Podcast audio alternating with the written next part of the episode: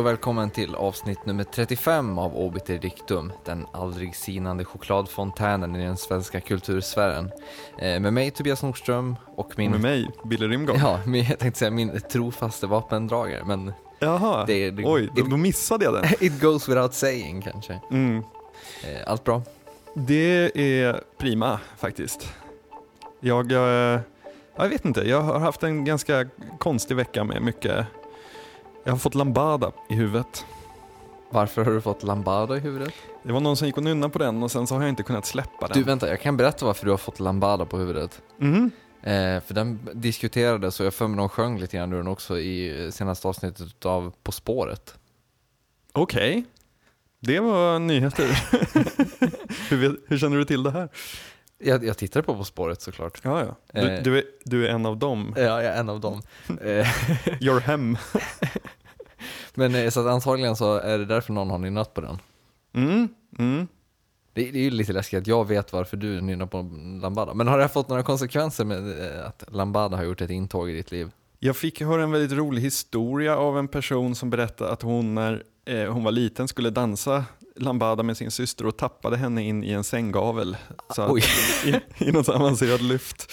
Ehm, ja, det, det var ju värt helt klart för att höra den storyn. Men det är inga, inget allvarligt hoppas jag. Nej. Det, Nej. det, det lät som att det hade kunnat vara en så här, ja hon är rullstolsbunden ja.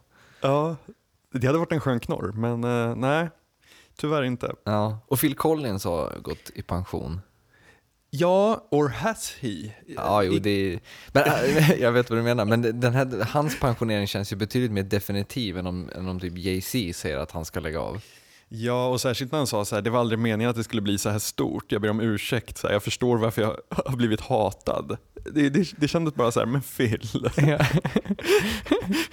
kom igen, jag tar tillbaka allt. Ja, men det, det var också så lite roligt att se, vad heter det, när, ja, när han tillkännagav det, att vissa reagerade ju typ med glädje, medan andra blev så här, ja, det är en fin karriär han har bakom sig. Ja, men grejen är så här att det finns ju, jag har ju ett extremt komplicerat förhållande till Phil Collins. För å ena sidan så står han ju för någon slags djävul, liksom. Den här eh, stundtals totalt ointressanta liksom, storbolagsmusikern som säljer ut Globen när de som bara går på en konsert var tionde år, det vill säga när Phil Collins kommer. Å andra sidan så är han ju extremt sympatisk, har ju så startat skivbolag som återutgivit så här, massa gamla soul-rariteter och eh, ja, jävligt cool liksom. Jo, alltså du säger att han är folkkär men han är ju inte, det är ju inte en Thomas Ledin eller en Robert Broberg vi pratar om. Ja, nej, kanske inte. Men Förstår han är en, Alltså ja, Against All Odds är ändå, eh, även if, om, det, om det får stå för den liksom folkliga, smutsiga Phil Collins så är det ändå en eh, ganska hyfsad ballad får man väl ändå säga. Jo, definitivt. Definitivt. Ja, jag vet inte riktigt vilken, alltså, vi- vilken nivå man ska lägga sig på där. Mm. Jag, jag är nog ganska eh, naivt positivt inställd till, till Phil Collins. Det har kommit jävligt mycket grymma edits av hans låtar här de senaste året. Mm, jo. Ehm, jag har även gå- gått ner mig i twee-pop, eh, vilket, ja det, det finns få saker som får mig att känna mig så smutsig som twee-pop. Oj då. Eh, Ja. Du kom ut bara för liksom några månader sedan här som att, att du hade upptäckt indie-rocken i Arcade Fire. ja men det har gått Mm. över nu. Ja, det har gått över så du bara går djupare ner i liksom Jag kanske, tillbaka, kanske kommer hamna tillbaka in i indie-rocken med About Group nu, vi får väl se. Jag har, inte riktigt bestämt mig än. Ehm, mm. Men, ja, men tweepopen det är något här, lite läskigt, så här, avsexualiserat med det som jag har ganska svårt för. Ja, och apropå nischmusik så har vi lite ordningsregler här inför nästa vecka, eller hur? Det stämmer bra det. Eh, det är så att nästa vecka så har vi celebert besök av en väldigt profilerad eh, chillwave-artist här i Jobbet i Riktum. Ehm, och då kommer vi gå all in på chillwave-genren eh, och dess beståndsdelar. Eh, så att ehm, vi vill liksom ge er en veckas försprång här att kunna eh, lyssna in er på lite olika chillwave-artister. Vi kommer bland annat, vi lägger upp en, en Spotify-lista på, på vår blogg där som ni kan gå in och lyssna lite på. En sorts grundkurs i chillwave. Precis, det är Mm. kunskapslyft helt enkelt. Mm. Men, Mm. men tweepopen, det är alltså Pure Instinct som jag har snöat in på. Ja, Eh, förlåt jag lät inte ens dig nämna artisten. nej men det, det, det är ingen fara. Det, så länge det håller sig till bara Pure Instinct så tror jag det, då tror jag jag kommer gå helskinnad ur den här eh, perioden. Jag får så här stagea någon intervention Ja, och, annars. om jag- börjar liksom rabbla Sara Records sjuor och sånt där, då, då vet jag att då är det dags Ja. att få mig tvångsomhändertagen. Men sen i, i helgen så såg jag en väldigt spännande film, faktiskt. Med, tänkte- med betoning på spännande eller? ja. Eh, jag tänkte vi kanske ska använda den som avstamp för vårt första ämne här idag. Go! Eh, Det var nämligen så här att jag såg The Deadly Tower, en sån här made for TV-rulle, eh, där en 24-årig Kurt Russell, extremt snygg och ung, spelar den här killen Charles Whitman som klättrar upp i en, en, ett torn i Texas och sköt eh, väldigt många, jag tror att han dödade 16 men prickade 50-tal i alla fall va? med någon så här höghastighetsvapen. Och det som slog mig då var så här att i, i all dess billighet och eh, inte alltför väl skådespelade dialog så hade den ändå någonting. Den var liksom eh, bra, bra på någon nivå. Och något som jag har slagits av är så här att jag verkligen uppskattar eh, det jag brukar säga bra dålig film.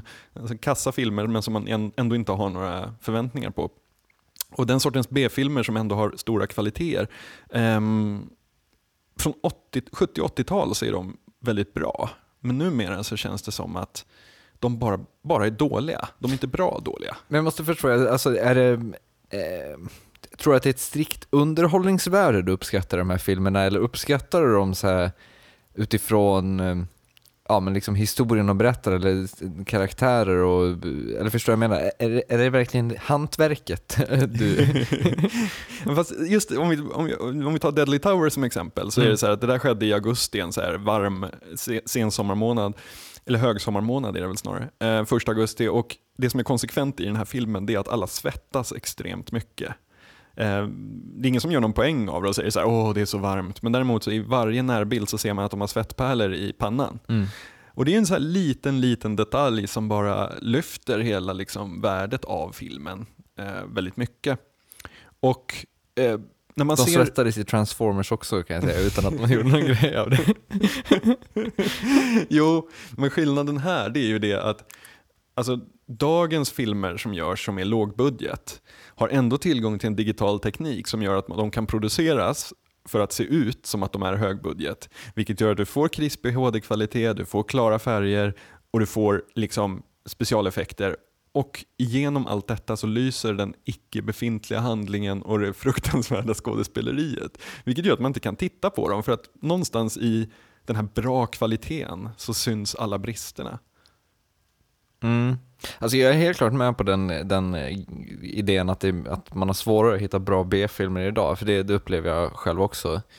Um, men, jag, men jag tror att det, jag tror faktiskt att det handlar om, eller jag har i alla fall någon idé om att det handlar om att eh, om att man är så här sjukt mycket snällare när man hittar en så här actionfilm från eh, sent 70-tal eller mitten på 80-talet som man liksom inte riktigt har noll, någon koll på överhuvudtaget. Ehm, Eh, Ja men så ser man den och då, då är man så sjukt förlåtande mot alla brister som den här filmen har för att man eh, ja, men i så här nostalgiskt skimmer så kan man uppskatta allt som är bra med den filmen medan när, det, när vad heter det, någon halvtaskig action går upp på bio i Sverige eh, nu eller kommer på DVD så liksom ja, då pratar massa andra människor också om den filmen. Och då, har man, då är man helt plötsligt går in och, med, med en helt annan inställning. Eller man går in liksom och är mer eh, typ kritisk mot vad det är man tittar på. Eller, förstår jag menar? Att, att Mm. när den är aktuell så är man lika mycket intresserad av att förhålla sig till den som en aktuell film som man är av att liksom bara se eh, den som en B-action eller en stänkare. Liksom. Men alltså, eh, vad, vad hette den där förresten som du, eh, den sköna DVDn som du visade upp sist jag var hemma hos dig? Åh, ja, vad fan heter den? Point Doom heter den. Point Doom. Med Andrew Dice Clay, Ice-T och eh, Richard Grieco. Eh, vad var catchphrasen? Catchphrasen var alltså kidnappning, knark, kidnappning, knarkuppgörelser och mord. Bara början på deras förhållande. Åh, det är så bra! Det är Om, så om, vi otroligt kan ju bra. berätta också att på omslaget så, så eh, har nästan större än titeln så, så, så, så står med musik av Mötley Crüe, Guns N' Roses, White Zombie, Motorhead och Ice-T. Det var där och då som så rap metal föddes. Ja men typ, alltså det, Ja. det, det är alltid ett gott tecken när de skyltar med att det är ös i musiken i den här filmen, Mm. därför, därför kommer det vara lika mycket ös i filmen i övrigt. Men jag tänker så här, alltså det låter ju som en helt fantastisk rulle liksom. Eh, och det jag tänker är så här, okej, de ska göra en film, de har liksom inte så, så himla mycket att jobba med, så de får jobba med att liksom rån, mord och kidnappning bara i början på deras förhållande. Liksom. Ehm, och där kan jag känna att eh, om, om en film görs idag, eller vi, vi tar ett annat exempel, vi säger att man ska producera en skiva. Eh, om, det, om du har ett band så här som ska spela in en skiva, för liksom 30 år sedan eller 20 år sedan, ja det räcker med 20 år sedan, eh, om de bara hyrde en billig studio någonstans, då så var det så okej okej vi skramlar på här och spelar in en jävla rökare liksom, så ser vi vad, vad, som, vad som händer med den. Idag då kan du sitta med så musikprogram i datorn som har så här 32 bands equalizer och sånt, som bara de alltså här, jättestora studiorna hade för, för inte så, så länge sedan. Um, och då tänker jag så här att man har tillgång till de här verktygen och därför så kan man sitta och putsa och putsa och fila och fila. Men man vet ju inte riktigt vad det är man gör så att säga. Man kan inte, man, man har verktygen men man kan inte hantverket. Men, Och att- men, men, men samtidigt, alltså, det görs väl ganska mycket musik som typ skramlar ganska rejält idag också, eller? Jo, definitivt, men det är ju de som har vett att veta att så här, okej, vi ska skramla. Mm. Förstår du vad jag menar? Mm, så här, man hör jävligt mycket kassmusik som är bara är så här, men vad har ni gjort? Liksom? Vad, hur, hur tänkte ni här? Liksom? Och då är det så här, de hade möjligheten att spela in ett så här äh, kristallklart perfekt album och de gjorde det och de tänkte inte det minsta på att det hade varit mycket bättre att bara typ så här hänga en mikrofon över bandet när de repade typ så hade det blivit en bättre skiva. Eh, ja, jag jag tror att så här krispig HD-bild och klara färger det är liksom ett falskt löfte om att något är bra bara för att det ser snyggt ut. Det var, någon, det var någon som twittrade i mitt flöde under Melodifestivalen när de sa bajs med glitter på är fortfarande bajs. Jo, alltså det är klart att det är så, men, men eh, visst, Melodifestivalen och, eh, och Hollywood actionfilmer är ju kanske inte heller representativt för, eh, för vad ska vi säga, för någon slags s- spjutspets i samtidskulturen, eller förstår jag menar? Nej. Men okej, så här då. Min fråga är, Melodifestivalen har ju alltid varit bajs med glitter på liksom. ja. men, men ta eh, Cloverfield, Mm. eller Cloverfield, Cloverfield.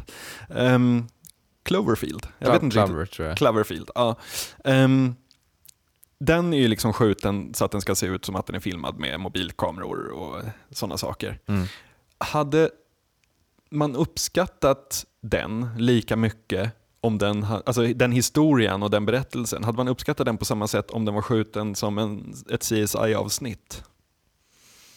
Alltså kanske inte precis som ett CSI-avsnitt, men jag tror definitivt att man hade uppskattat, jag hade i alla fall uppskattat den lika mycket om den hade haft en mer traditionell, eh, om man nu vill kalla det det, eh, kamera, ett mer traditionellt kamerarbete liksom. Mm. Eh, Men alltså, det, det är ju samtidigt, för, för Cloverfield så är det samtidigt, det är the selling point av hela filmen. Ja. Eh, så, så att det, det, Jag kan tänka mig typ så här Paranormal Activity och Blair Witch Project, där försöker man ju liksom dölja brist på pengar eh, och kunskap och teknik eh, med att skjuta den liksom väldigt amatörmässigt och baka in det i, i storyn så Mm. att säga. Cloverfield sköts ju med, med riktiga kameror och sen så liksom försämrade de bildkvaliteten. mm. Eh, Men det jag tänker är lite så här att digital teknik har gjort det så billigt att producera högkvalitativ, alltså vet, vad är uttrycket? Alltså den, den materiella standarden eller den, alltså produktionsvärdet är väldigt högt. Um, men innehållet är inte så stort. Alltså jag, jag, förstår, jag förstår precis vad du menar och eh, alltså jag håller helt klart med om att det känns som att eh, filmskapare i stort har förslappats eller vad man ska säga. Alltså att eh, istället för att man måste ha någon kreativ special effects-kille som kommer på en skitsmart lösning för man ska filma det här eh, så vet, liksom, vet man bara att så, ah, men vi kör det 30 timmar i en jävla renderingsmaskin så får du tröska på där och så har vi en ja vad det nu är. Typexemplet är ju 2001, jag vet inte om jag har nämnt det förut i podcasten, men eh, i början eh, i 2001, den här pennan som flyger igenom det här, den här skyttelfartyget som ska docka vid den här stationen. Ah. Eh, en, en, en, här väldigt, väldigt så här, lågmäld scen med en penna då som bara svävar igenom den här farkosten. Eh, och det, idag hade man ju bara animerat dit pennan, men det, det de gjorde då var att en, någon special effects kille fick komma på en lösning på hur man skulle kunna filma det här då. Eh, så experimenterade de med snören och grejer, men det såg liksom inget bra ut. Så det de gjorde till slut var att de tog en genomskinlig eh, glasskiva och satte den framför kameran och sen fäste de pennan på kameran helt enkelt. Oh. Och det är, så här, men det är ju väldigt enkelt men eh, genialt på, på Ja, ja, samma visst, gång. Och, det, och istället då så får du i filmen så får du en riktig penna som glider fram där. Ja. Ehm, och det Men kommer ju- jämför det då med när, när liksom, du vet, Nisse laddar hem ett CAD-program från Pirate Bay och får för sig att han ska rita en egen villa. Alltså du vet, bara för att man har verktygen så behöver man inte liksom vara grym. Förstår du vad jag menar? Mm. Nej, det, det är väl klart att det är så. Ehm, men samtidigt så tror jag att... Jag vet inte, jag vet inte på vilken, vad man tänker på för filmer, men samtidigt så eh, den här mellanbudgeten som behövs för, för att här, förena ehm, det här hjärtat med, med, med att göra så här, ja, men schyssta actionfilmer om man ska säga. Den, Mm. De budgeterna finns liksom så jävla sällan idag.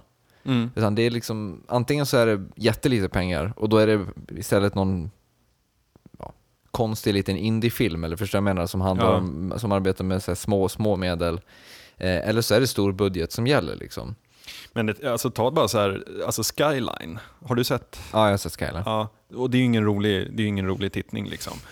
Och grejen är att den kostar ju bara 15 miljoner dollar att göra, vilket liksom är nada egentligen i film, Mm. filmmått. Mm. Men det känns ju som de har lagt alla de pengarna på liksom specialeffekterna som de använder i trailern. För Mm. att det finns ju liksom inget hjärta överhuvudtaget i övriga. Ehm, och där kan man dra som parallell att The Thing hade också 15 miljoner och det var ju i och för sig 1982 så att det motsvarar ungefär 35 miljoner i dagens pengar. Då. Men då har ju också produktionen blivit så otroligt mycket billigare att göra Mm. ehm, idag så man tycker att, att liksom, det borde räcka till mer eller vad man ska säga. Ja, alltså jag gillar ju de här gamla dockorna. Eller förstår du vad jag menar? Ja. Alltså, när det fanns karaktärer och figurer som, som eh, ja, men som helt enkelt var någon dockmästare som, som eh, styrde och ja, hade, hade sig med dem. Ehm, jag tyckte ju alltid att det funkade mycket bättre. Även ifall man, det såg ganska tattigt ut ibland så gav det ändå liksom betydligt mycket mer hjärta eftersom att man alltid ser att det är någonting där som en person interagerar med eller det är någonting där som rör sig på riktigt. Mm. Alltså det finns materia där. eh, Mm. Till skillnad från när man animerar dit någonting. Alltså, typexemplet är ju Star Wars där Yoda var väl animerad i, jag kommer inte ihåg om han var animerad i episod 2 och 3, eller om det var, bara var i episod 3. Nej, det var episod 2 och 3 han var animerad. Och helt plötsligt så var ju liksom Yoda död, eller förstår du vad jag menar? Ja. Helt plötsligt så, från att det har varit den här dockan som Frank Oz styr, så är det helt plötsligt en så här, ja, digital klump som liksom glider runt. Mm. Eh, det, jag, inte, det, det, jag, gillar, jag gillar det verkligen inte när det gäller, framförallt när det gäller så karaktärer och sånt. Eh, men sen Skyline också, det är ju en film som är gjord av två stycken visual effects-killar. Ja. Så det kanske inte, jag vet inte att, de, att de går lös på, på 3D-teknologin är väl kanske inte så jättekonstigt. Nej.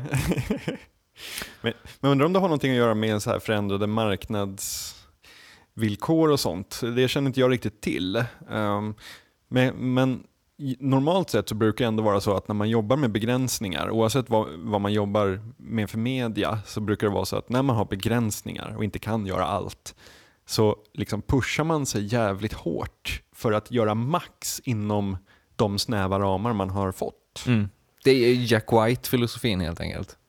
Jaha, har han en från, sån? Ja, men från White Stripes. Han, han har ju något stort manifest om att så här, eh, när, han, när han skapar musik så ska det finnas så absolut lite möjlighet, kreativa möj, tekniska möjligheter som möjligt. Ja. Ehm, så att det, det enda som, det är därför till exempel eh, White Stripes då bara är ett band med två personer.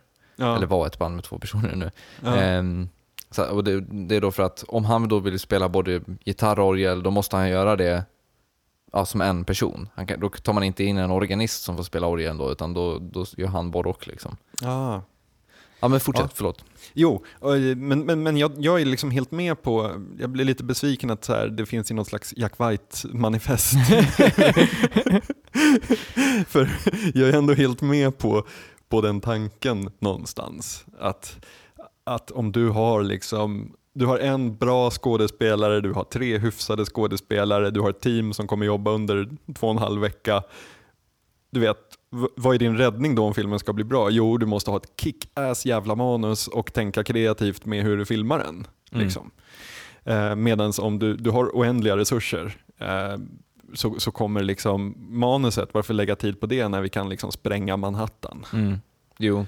Men kan, men kan inte det handla lite grann, om- lite grann om, om så här säkerhet också? Alltså att eh, om du måste hitta kreativa lösningar på, på hur du ska visa saker i en film eh, så är det jävligt osäkert på hur resultaten blir om du ska hitta på nya lösningar för det. Alltså du vet inte hur riktigt hur det kommer se ut. Ja. Däremot om du, ska, om du dat- vet att du kommer datorrendera alltihop, då vet du vad resultatet kommer bli och då vet du vad du kan göra liksom.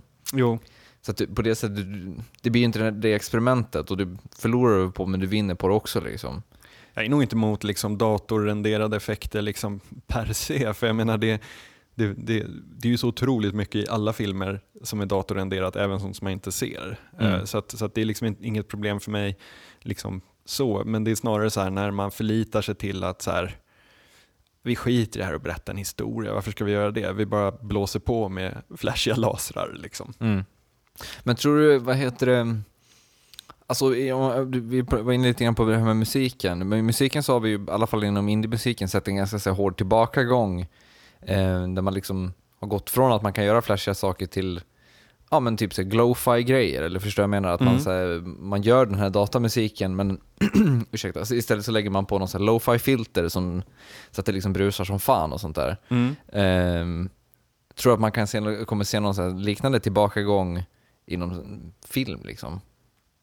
Det är svårt att säga. Alltså det, för att göra en skiva så behöver du bara en dator och liksom en idé. För att göra Mm. en film så behöver du en sån extremt stor apparat som är uppe och snurrar. Liksom. Jo, det är sant. Så att såvida du inte finansierar den själv. Men det är också så här, alltså, när man har, någon gång har, har fått någon så här galen idé att fan man borde förverkliga den här filmen liksom, och göra den. Man kör ju fast redan när man börjar tänka för man kommer på att just det, jag känner ingen som kan ljussätta. Alltså, du vet, det, är, det är så många så otroligt fundamentala Alltså även om man har en jättebra manus och en jättebra idé så finns det så många fundamentala så här, små grejer som Mm. smink och ljus och sådana saker. Eh, som det måste komma in folk som faktiskt kan hur man gör det. Och för att de ska kunna komma in så behöver man en finansiering och för att få finansiering så måste man nå en bred publik och då är man helt plötsligt så på en nivå där ja, idén passar inte för en bred publik, alltså faller filmen så att säga. Så att jag tror att Alltså jag tror inte vi kommer se en tillbakagång där, absolut inte. Men det man kan önska är ju kanske att man så här, tänker på andra värden än, ah, jag vet inte, än att det ska se krispigt och färgglatt ut. Liksom. Mm. Vi var väl inne lite grann på det när vi pratade DIY-kulturen i, i höstas tror jag det var. Mm. Ehm, jag tror vi pratade lite grann om den här filmen Monsters då. Just det. Eh, har du hunnit se den än? Nej, det har jag inte gjort. Eh, jag har faktiskt hunnit se den och eh, den, är, den är ganska schysst liksom. Eh, där har man verkligen arbetat med små medel och Mm. en, ändå lyckats skapa Ja men alltså man jobbar ju väldigt mycket med så här 3D-renderingar och sånt, eller väldigt mycket, men när, när det händer saker som inte går, som måste vara illusioner så har man jobbat med, med liksom 3D-effekter. Men man har Mm. ändå liksom gjort det jävligt sparsmakat och istället liksom bränt krutet på att hitta bra, hitta bra platser att filma på och sånt där. Och de har ju haft en här sjukt låg budget verkligen. Mm. Eh, och typ inget manus, utan man skriver manuset så här vart efter mer eller mindre. Alltså de, de, vet, de vet vad filmen är och vad som kommer hända, men så här, dialog och sånt har de bara så här, arbetat fram vart efter de har filmat. Mm. Ehm, och liksom, det kan ju räcka, alltså en Ja, bra grundidé, kör hårt liksom. Ja, och det, jag menar, resultatet är ju svårt att skilja från, alltså rent produktionskvalitetsmässigt från till exempel Skyline, skulle jag Mm. säga. Ja, men då, och då, då kanske man väljer så här att när, när man sitter i den sitsen, så här, okej, vänta nu, vi kan inte göra det här. Ja, men Mm. då tänker vi ut en smart lösning och gör det här istället. Och det gör en bättre film i slutändan på något vis. Definitivt. Men hur var det, du hade någon så här skön afrikansk actionrulle som du visade trailer för. Eh, du tänker på The Return of Uncle Benon. Eh, Om jag inte missminner så är det Ugandas eh, actionfilmscen som är, som är eh, very much alive. Vi länkar till den på bloggen, trailern, den är fantastisk. Definitivt. Vi stannar kvar och fortsätter prata lite film, för eh, förra veckan så hade ju Black Swan premiär på svenska biografer. Ehm, och det är ju en minst sagt hyllad film som eh, har fått toppbetyg bland många recensenter även här i Sverige. Ehm, men det var, från några håll kom det ganska så här, vass kritik mot eh, Black Swan. Det var framförallt kanske Emma Grey Munthe som vad heter det, sågade filmen på Twitter och menade att det var en film för dig som tänker att kvinnan endast kommer i två kulörer, svart och vitt, det vill säga med en knut eller utsläppt hår. Eh, och även bloggaren Lisa Magnusson hoppade på med att det var en skitfilm som handlade om en Madonnas kamp mot, mot sin inre hora. Um, och det känns så här, jag tänkte direkt på, på hela den diskussionen som, som eh, fanns på kultursidorna um, när eh, Lars von Triers Antichrist hade premiär för, nu är det väl två år sedan kanske. Eh, för då, då kritiserar man även där porträttet av den kvinnliga karaktären i, i, i den filmen, trots att det var en film som, även om den inte var lika hyllad som Black Swan, så var det en film som var väldigt respekterad.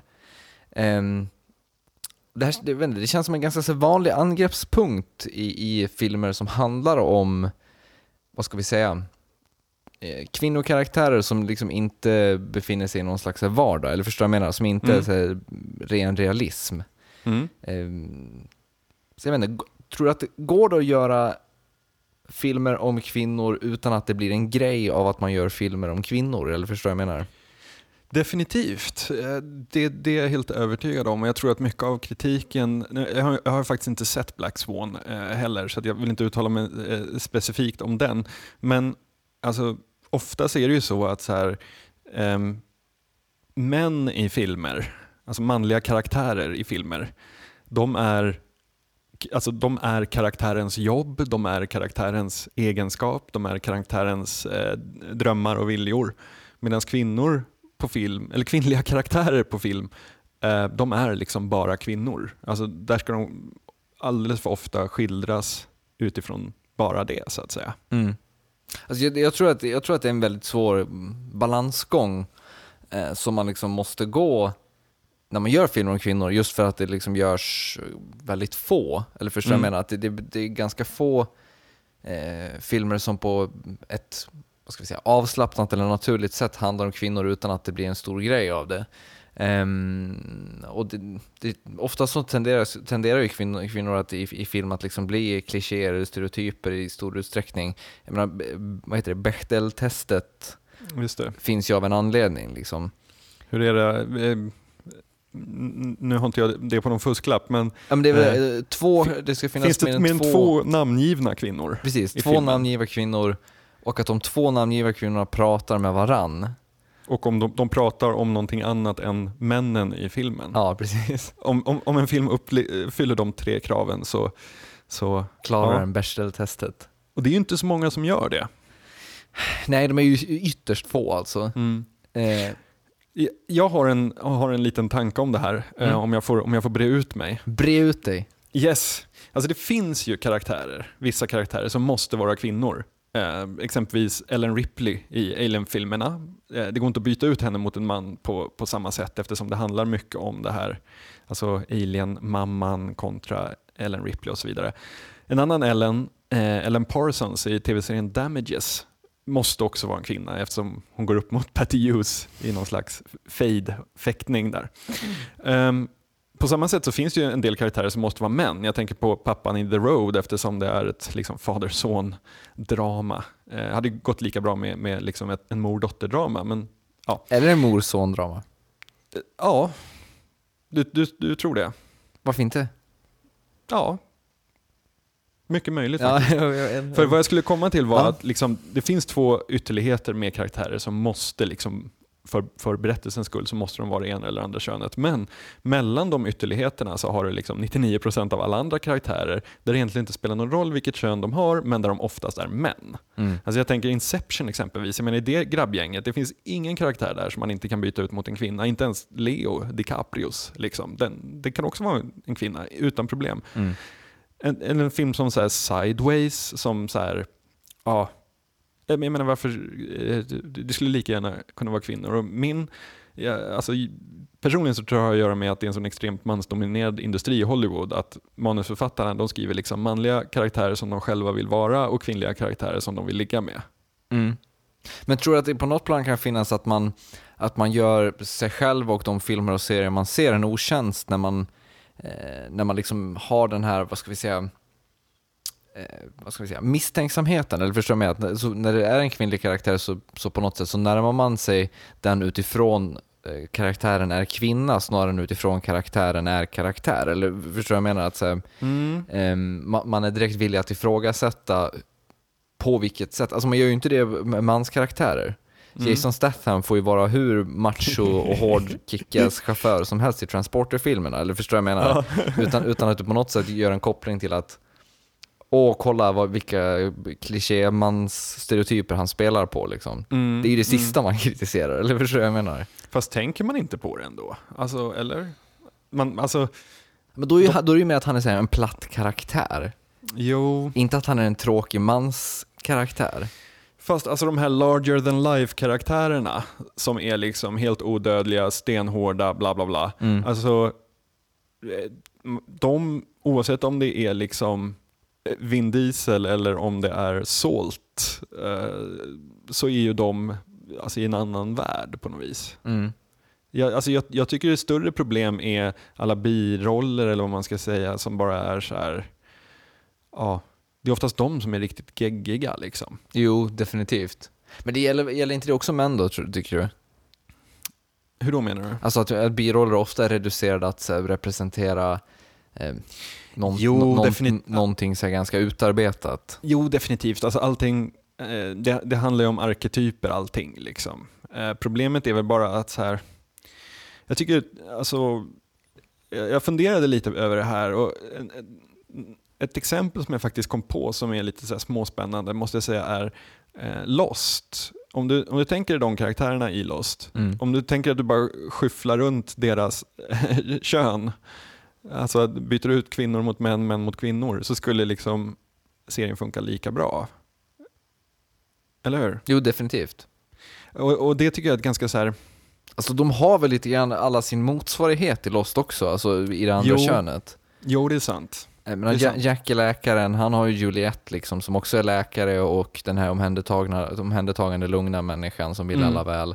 Mm. Eh, Sawyer är conman eh, på, på jakt undan lagen. Eh, han har sin motsvarighet i Kate då, som också är på Mm. jakt undan lagen och har ett mörkt förflutet och en, säga, har ett komplext, eh, Mm. vad ska vi säga, komplex barndom. med ja, problem med föräldrarna båda två helt enkelt. Eller förstår Mm. jag menar? Att man, man speglar dem ganska mycket varandra redan. Definitivt. Och grejen är så här att, alltså som sagt, jag tror att man oftast bestämmer, eh, man, man sätter kön på sina karaktärer enligt liksom någon slags klichébild. Ofta. Mm. Eh, och jag tycker ofta det kan bli väldigt spännande just där när det oväntade kommer. Att det är, och då menar jag inte typ Nikita, liksom att så här, wow, hon, hon är en, en, en, en kickass brud, även om jag älskar kickass brudar. Jag, jag sågade ju Nikita så hårt här i vår tv-seriesavsnitt i höstas, men I fucking love it nu. Ehm, eh, men nu tappade jag tråden bara för det, jag kommer att tänka på, på, på, på min Nikita-avbön här. Um, men just det, när man, när man kastar om och gör det till, och då menar jag inte heller, alltså, det finns ju så otroligt många kvinnliga så här, klichébilder. Det finns en fin, ehm, en fin eh, sån här, eh, vad heter det, flödesschema eh, för kvinnliga karaktärer. Mm. Eh, där man all, alltså, em, em, oavsett vilken väg man tar så landar man nästan alltid i då någon av de här klichéerna. Du har ju även du vet, den här matriarkala power goddess-grejen, som, alltså den äldre damen som smider ränkerna, så här, heroes och ja. Mm. Även det är ju en, en, en, en klichébild. På något Jo, vis. jo, men är inte, alltså på något sätt, är inte de här klichéerna lika vanliga av vilket kön vi än pratar om? Eller alltså, är de verkligen, alltså det är en sak om man, om man liksom, om man tycker att det är värt att kritisera en film eller vad, det är för att den reducerar eh, en karaktär till någonting. Alltså förstår jag menar? Att, att, en, att en karaktär bara blir, blir en kliché som är misogyn eller liksom eh, fördomsfull rent av, eller förstår jag menar? Mm. Eh, men det är väl en, en annan, när man låter karaktärer, alltså Jack är herden i Lost liksom. Ja. Eh, och, det, han är, han, och han är man för att det är oftast männen som är herdar i film eller i berätt, gamla berättelser som typ Mm. Lost anspelar på och sånt där. Ehm, Lost kanske är lite för avancerad tänkt bakom för att liksom kunna använda som, men ta så här Tron Legacy då som vi pratade om här förra veckan. ja, Alltså varför är det hans son som upptäcker och åker in och träffar liksom Olivia Wildes karaktär som är liksom den snygga sidekicken. Mm. Varför inte hans dotter som liksom upptäcker arkaden och åker in och utkämpar det här battlet och har en hunk vid sin sida. Förstår du vad jag menar? Alltså det, det, det finns ju ett mönster där det liksom alltid som, som återupprepas. Mm. Jo, det finns tiden. ju än värre exempel ändå. Vi, vi pratar om Transf- jag nämnde Transformers. Transformers 2 är ju liksom vidrig Ja. i, i, i sitt sätt. Alltså där är ju, Megan Fox är ju med bara som någon slags kuttersmycke som kan springa runt i hotpants. Alltså, det, så till och med så här robotarna blir sugna på henne. Alltså, eller förstår du vad jag menar? Det, det blir ju... Det, det skulle ju aldrig hända att, eh, att man gör liksom den eh, råa sexualiseringen av en man på det sättet. Och det, det, det är ju sj- eh, det är det jag har liksom störst problem med film oftast. Alltså just Mm. ren så här, sexualisering, den manliga blicken på det sättet. Ehm, Och, och sen är ju ett problem tycker jag är också så här att när det görs, då är det så här Sex and the City 2, du vet, nu åker vi till Dubai och ligger runt där. mm. Och då, då blir det en grej att kolla här, nu har vi gjort den här filmen. Det Abu Dhabi vara... åker de till. Vad sa du? Abu Dhabi åker de till. Du har sett den? Ja, ja. Okej.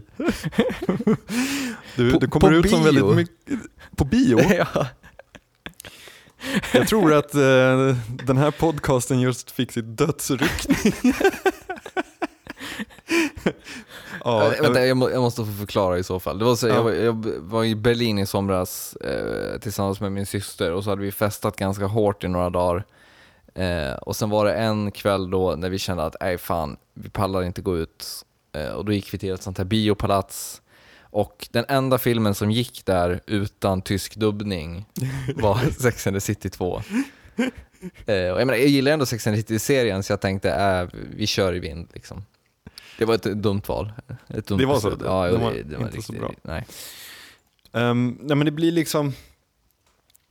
Alltså jag tycker Inception, återigen vill jag bolla upp den som något, något, något slags exempel på, alltså, du vet, om du sitter som manusförfattare till den och du har kläckt den här idén och sånt där, varför ska det då vara liksom fem snubbar? Mm. Alltså du vet, att man inte ens tänker på att så här, shit vad coolt vi kan göra med dynamiken i den här gruppen. Liksom, ja. För mig är det helt, jag, vet, jag, kan inte se att det kommer från någon annanstans än att så här, man inte tänker, alltså om de inte tänker på det så bara, ja men Mm. skriver de in liksom karaktär efter karaktär. Det ja. Men Christopher Nolan är ju ökänt kass också på, på just kvinnokaraktärer. Alltså om, vi, om, man bort, om man bortser från Memento där Carrie Ann Moss karaktär är och helt okej, så har han ju bara liksom kassa jävla kvinnor, eller kvinnokaraktärer i sina filmer. Mm. Um, jag menar, det finns ju en anledning till att det finns två kvinnor i Inception. Den ena är Mal som är någon slags här förbjudet begär hos Leonardo DiCaprio. Eh, och sen då, vad heter hon? Juno. Ja, precis. Ellen Page. Ellen Page. Eh, så vars karaktär bara finns med för att typ ställa frågor. Ja. och det. Ja, och, men grejen är så här att för mig, jag, jag kan känna så här att om vi bortser från alla så här eh, om vi bortser från alla så här jämställdhets liksom, önskemål och sånt och bara tittar på rena, alltså ren pragmatism på något vis, mm. så kan jag känna så här att alla manliga karaktärer är ju redan gjorda någonstans. Alltså en manlig karaktär, alltså oavsett vad du gör så kommer folk säga ja men det påminner om den där i den filmen. Medan liksom med, om, man jobbar med kvinnliga karaktärer så har man ju faktiskt så gott som blankt blad eftersom det finns så få stora huvudroller eh, med kvinnliga karaktärer. Mm. Jag, menar, eh, jag fattar inte att man inte så utforskar det området mer.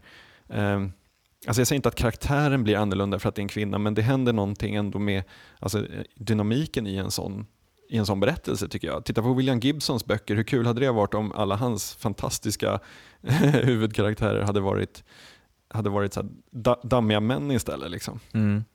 Jo men det, alltså, samtidigt, jag, menar, jag ser något slags svårt i det där, eh, för att det, det är lätt William Gibsons böcker är ett bra exempel. Eh, Winter's Bone är också ett bra exempel, där, där som har en stark, eh, någon så bra kvinnlig karaktär i huvudrollen, utan att det blir en grej av att det är en kvinnlig karaktär i huvudrollen. Eller för, ja. Eh, det är liksom, problemet är att, man, att det ofta kan bli så att det blir just en stor grej av att det är en kvinna. Det blir en, en kvinnofilm. Liksom, definitivt, definitivt. Och det är det, jag, jag tror att det är det som liksom vi var inne på i, precis i början där med, med liksom, alltså, en film om en kvinna handlar alltid om kvinnan. Mm det är aldrig så att de är naturligt att, att huvudpersonen råkar bara vara en kvinna. Liksom. Mm. Alltså, förstår du vad jag menar? Jo, definitivt.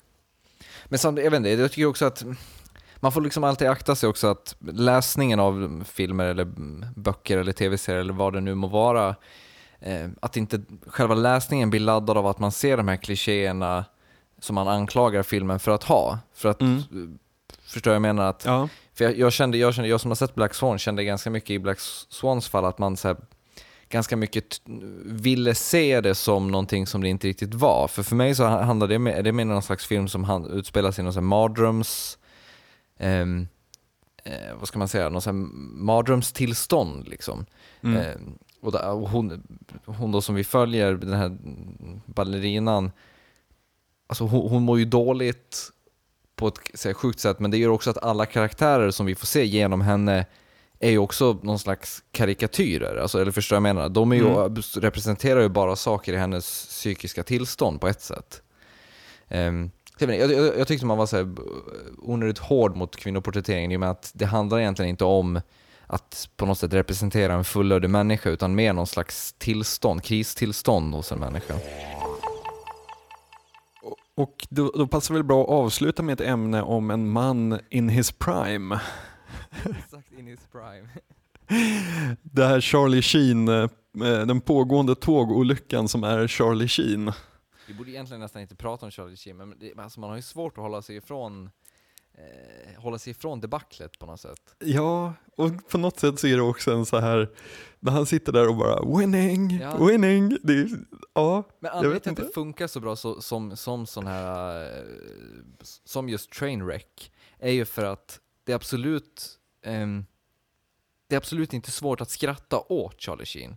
Förstår du vad jag menar? Man Speciellt inte när han dyker upp på Alex Jones radioshow Nej. och gör första intervjun. Precis, men alltså att, att, äh, att han, han, är så sjukt osympatisk. Mm. Och, och, det gör att man liksom bara så kan vältra sig i hur dum i huvudet han är på något sätt. Eller förstår du vad jag menar? Hur, hur mycket han eh, hur mycket han kraschar sitt liv liksom. Vad han sa till eh, eh, Chuck Lorre. Eh, I've turned your tin cans into gold for the past decade. Han har sagt så sjukt mycket roligt de senaste dagarna. Slate, Slate har en fantastiskt bra artikel som analyserar allt han säger och sätter det i sitt sammanhang, vart, han, vart det kommer ifrån. min, min, favorit som liksom bara så här lystrar av härlig hybris, det I'm on a drug. It's called Charlie Sheen. It's not available. If you try it once, you will die. You will, your face will melt off and your children will weep over your exploded body. alltså det är ju poesi på, ja. på ett sätt. Jo men han, är väldigt verbal liksom. han har ju uttryckt sig helt fantastiskt. Um, men frågan är liksom, jag tänker ju direkt på den här uh, Joaquin Phoenix-rullen. Uh, mm. dokumentären. Mm. I'm still here. I'm still here. Som på något sätt, alltså den, den handlar ju om just de här liksom långsamma tågkrascherna mm. som är kändisar i en 24 timmars nyhetscykel mm. som liksom får all uppmärksamhet som de cravar och det finns ingen som drar i nödbromsen. Liksom. Eh, nej, det är det, intressant att det sammanfaller faktiskt. Definitivt, men, men de här sker ju lite med jämna mellanrum också. Mm. Eh, men jag gillar också att även ifall det är så här, a slow train crash så är det ju, det finns alltid ett så här litet så här före och efter. Eller förstår du vad jag menar? Det finns det är alltid den här lilla så här, brytpunkten där man ser okej, där gick det åt helvete. Ja. Alltså för Charlie Sheen så är det ju när han drog igång den här långa eh, knarkbändern som han gick på med porraktriser och eh, prostituerade och liksom svinade i en vecka typ så här. Eh, för Britney Spears så var det nog rakade av sig håret. ja, just det. Just Alltså, det. alltså du har den här liksom, det finns det tydliga före och efter, men Britney Spears var det jätteroligt också i och med att där fanns det ännu tydligare där före och efter, för att där kunde du liksom bokstavligt talat ha före efter bilden. så här, framgångsrik artist, psykiskt labil. Alltså det, det var så här, det var, Det roligaste Charlie Sheen sa var att han var glad över att Two and a Half Men lades ner för då skulle han slippa ha those silly shirts on. Men jag menar, ser han så annorlunda utanför Two and a Half. Men? Alltså han ser ju bra risig ut alltså när man ser, man ser dokumentärerna, eller de här intervjuerna. Har du sett dubstep-remixen av eh, videon? Nej, det har jag inte Det- gjort. Den länkar vi till på vloggen, det är, en, det är så jävla bra. Definitivt. Också fantastiskt roligt att han kläckte ur sig det här med eh, att han hade ett nytt program, program på gång på HBO där han skulle få 5 miljoner dollar per avsnitt. Mm. Eh, och så skulle han ha gäster då och så, ja, det, det, alltså det lät ju helt befängt så att det var nå- någon journalist som ringde till HBO och de bara va? Nej, vi har ingen aning om vad ni pratar om ungefär. Alltså på något det, det är ro- roligt att spekulera om han tror på riktigt på det eller om han säger bara, äh, jag kör. Men är det okej att så här, du vet, alla journalister ringer honom nu för att få intervjuer i tv och sånt där bara för att man så här väntar på att någonting ska hända. Är inte det lite som så här med typ på gymnasiet när det var, ofta fanns någon så här halvgalen person som man visste spåra ur efter några glas vin som fick haka på bara för man ville se vad som skulle hända. Liksom. Men jag, jag tycker ändå inte det. Alltså, alltså Nej. på något sätt, eh, framförallt Charlie Sheen i det här fallet, som, när han gör som han gör, han blir liksom allmän gods för, för, för oss. Alltså vi mår ju bra av, av, av att ha Charlie Sheen som en så här, en så här trygg människa, eller en människa som tryggt bara går ner sig medan Mm. vi andra bara kan stå, stå, stå bredvid och titta på hur dåligt det är. Mm. Och, och samtidigt så liksom, vitt, han, han, han illustrerar ju med all önskvärd tydlighet hela den här, um, hur hela den här fasaden faller. Mm. Alltså man har den här bilden som byggs upp av Hollywoodkändisar om liksom det, allt är perfekt, liksom. det perfekta livet, det perfekta utseendet, den perfekta partnern, alltihop liksom är maxat. Och så ser man liksom här med Charlie Sheen, ena dagen har han det feta kontraktet på Two and a Half Men, eh, giftigt av och på med massa snygga tjejer och sen liksom så här, dagen därpå så är allt bara som bortblåst. och det är liksom som för oss andra på något sätt, eller förstår du Ja. vad jag menar? Det kan hända vem som helst och det är bra att, att, att, eh, eh, att, att den här chimären raseras för, även för kändisarna så att vi andra människor får känna oss lite bättre. Fast är det liksom inte, eh, jag menar, kommer inte han försvinna ur rampljuset nu, in på rehab och sen om sex månader vara på framsidan av Time och prata ut liksom? Fast han behöver ju ingen rehab, han, han, Just det, he, han, han he cured himself. himself. ja. It took one hour, eller vad var det? Ja, men alltså, ja, jo, det är väl klart. Men han utgör ju samtidigt någon sån här mys, eller mysig ska man kanske inte säga, men det är så det är skönt oallvarligt att Charlie Sheen är galen. Eller att vilken Ja. kändis som helst är galen. Och det är därför jag älskar när kändisar spårar, för att det betyder liksom ingenting egentligen. Nej. Och därför kan man bara så gotta sig åt galenheten Ja. och deras handlingar. Liksom, det är inte så jävla kul egentligen att Gaddafi är knäpp i skallen, därför att man vet att han kan, liksom, kan kalla in soldater och stridsflyg och sånt mot folk bara för att han är knäpp i huvudet. Ja. Charlie Sheen har liksom inte riktigt de, de eh, vad ska vi säga, han har inte de medlen riktigt att förstöra för andra. Jag menar, som blir lidande är ju liksom hans barn på sin höjd, men han har ju knappt vårdnaden om dem ändå. Så att, Nej. Ja, det, det, men det finns ju även så här ganska mycket, alltså, han har ju varit med på Alex Jones radioshow förut. Ehm, det var därför som, jag tror att det var därför som han fick vara med och prata, eh, liksom som, det var där han pratade ut nu. Ehm, för det är nämligen så här att han, eh, han är ju en sån 9-11 konspiratör. Eller Mm. alltså, han, tror inte på, han tror att 9-11 var en inside job. men vad, vad säger Alex Jones om det? Han, han anser Charlie Sheen, eh, att han, han, tycker han det är skönt, eller brukar han tycka att det är skönt att ha Charlie Sheen på sin sida liksom? Ja, ja, ja, ja för det, det är ju ett argument. Du vet. All, everybody knows about this, even Charlie Sheen. Kanske inte väger så tungt just nu dock, det, det är att Charlie Sheen är på min sida. Nej. Det är intressant också hur han, hur han sakta men säkert förändrar sig språkbruket. Alltså, hans, den här winning, den satte sig ju direkt liksom. Ja. Men nu, nu ser man ju eh, alla på Twitter och eh, IRK och överallt så kör alla liksom winning hela tiden för att, därför att han, han på något sätt levererar den med sån vigör. När jag googlar nu bara lite snabbt Alex Jones och Charlie Sheen, första träffen det, den har rubriken Charlie Sheen requests meeting with Obama over 9-11 cover-up. och då så har alltså, det här är från 2009, augusti 2009, um, och då så, eh, så har Charlie Sheen publicly eh, requested a meeting with President Barack Obama to urge him to re reopen the official investigation. Eh, han krävde 20 minuter med, med honom för att eh, ja. förklara hur det här har gått till. Precis, precis. Så han har, han har ju varit lite av en, en loose cannon liksom, ett tag. You sir have the power as well as the responsibility to initiate a truly independent congressional investigation into the events of 9 11 as well as its aftermath. We want our country back, Mr. President. Therefore, I'm not just calling on you and your team, I'm calling on each and every American citizen to wake up, stand up, and demand the truth. Ja, vadå, det har väl, han var väl en del av hela Brat Pack-ligan på 80 och 90-talet i, i, Hollywood, liksom, de som svinade som värst. Ja. han har väl det liggande latent i sig liksom. Ja. Ja, vi får se vad som händer. Det kan, det kan ju sluta med lite vad som helst, känns det som. Ja, alltså jag, jag, jag ser fram emot att följa Charlie Sheens mm, eskapader som någon slags här, ja, men det, det är ju skräpinslaget i vardagen på något sätt, på ett väldigt fint sätt. Det är lite mm. som Howard Stern brukar prata om att han älskar barnstjärnor för att han vet att förr eller senare så kommer de bli tillräckligt vuxna för att börja ha sex och knarka och allting sånt här. Och då kommer alla veta om det och då försvinner allt det här som man trodde om dem. Och då, ja, då är allt, allt är mm. mänskligt helt plötsligt.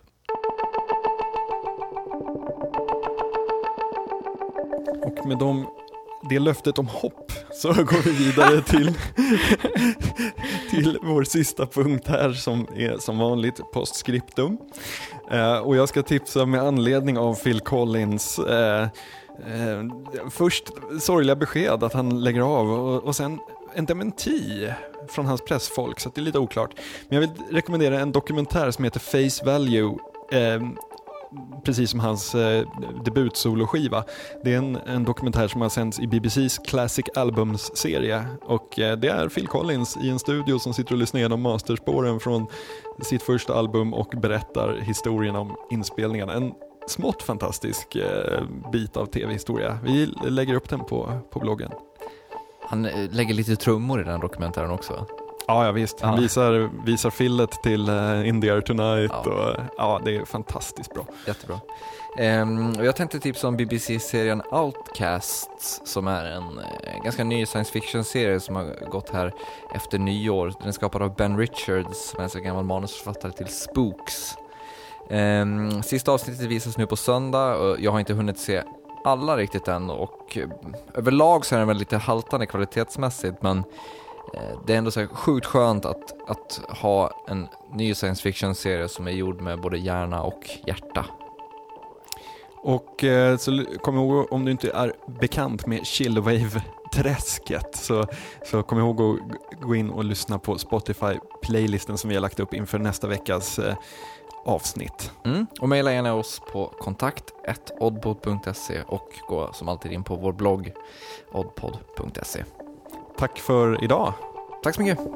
Hej då. Ha det bra.